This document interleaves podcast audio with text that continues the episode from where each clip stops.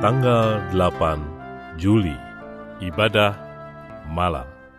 Pujilah Tuhan, hai jiwaku. Pujilah namanya yang kudus, hai segenap batinku. Pujilah Tuhan, hai jiwaku, dan janganlah lupakan segala kebaikannya. Mazmur pasal 103 ayat 1 dan 2.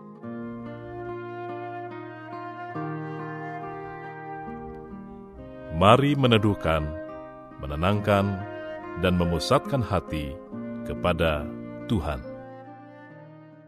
Saat hening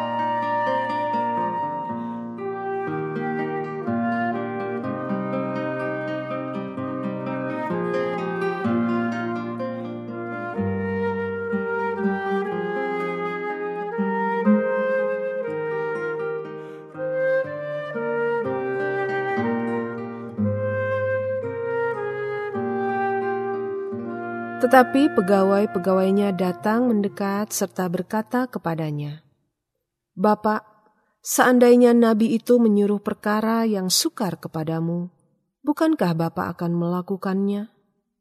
Apalagi sekarang, ia hanya berkata kepadamu, mandilah dan engkau akan menjadi tahir. Maka turunlah ia membenamkan dirinya tujuh kali dalam sungai Yordan, sesuai dengan perkataan abdi Allah itu lalu pulihlah tubuhnya kembali seperti tubuh seorang anak dan ia menjadi tahir. Dua Raja-Raja pasal 5 ayat 13 dan 14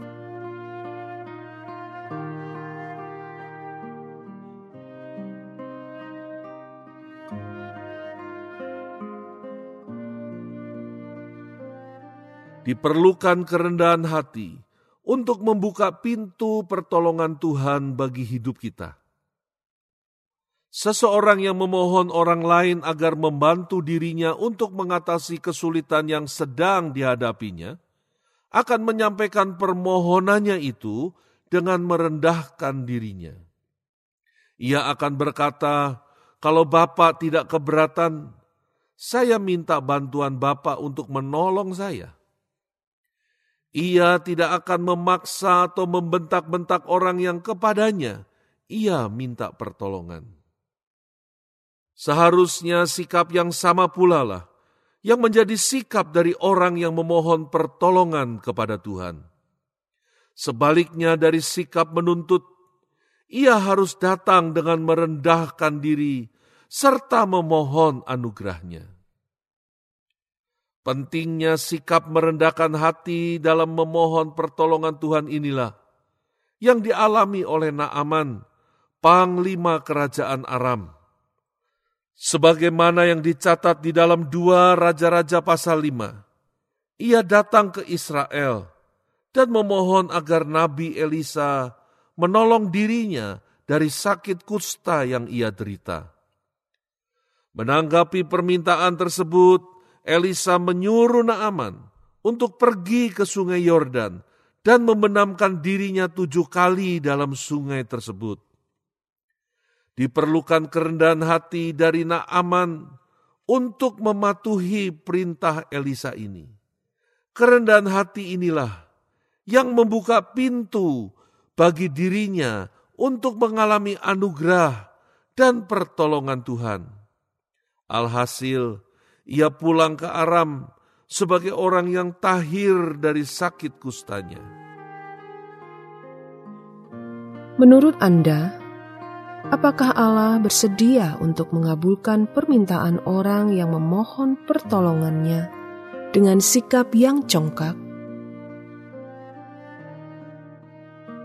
Mengapa demikian?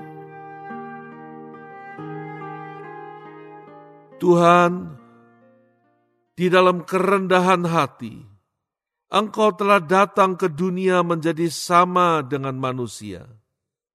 Di dalam kerendahan hati, Engkau telah bersedia mengulurkan tangan untuk menolong diriku yang tidak layak untuk mengalaminya. Di dalam kerendahan hati, engkau mengorbankan dirimu sampai mati di kayu salib. Ajarlah diriku untuk hidup di dalam kerendahan hati, seperti dirimu. Sehingga dengan demikian, hidupku dapat mencerminkan hatimu. Dan di dalam kerendahan hati itu pula lah, doa-doaku akan berkenan kepadamu. Aku berterima kasih kepadamu ya Tuhan, untuk hari yang telah kulalui bersama dengan dirimu pada hari ini. Dengan tanganmu yang penuh kasih, engkau telah menuntun hidupku, dan dengan kesetiaanmu, engkau telah menyertai diriku. Dengan kuasamu, engkau telah membuka jalan serta menolong diriku. Sehingga dengan demikian, aku dapat menyongsong hari esok tanpa rasa khawatir ataupun ragu.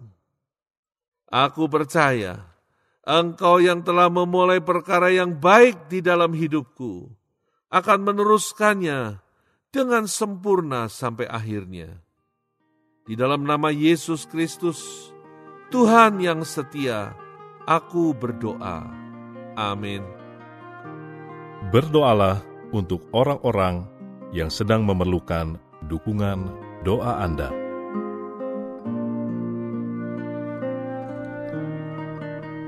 Mari meneduhkan hati di hadapan Tuhan.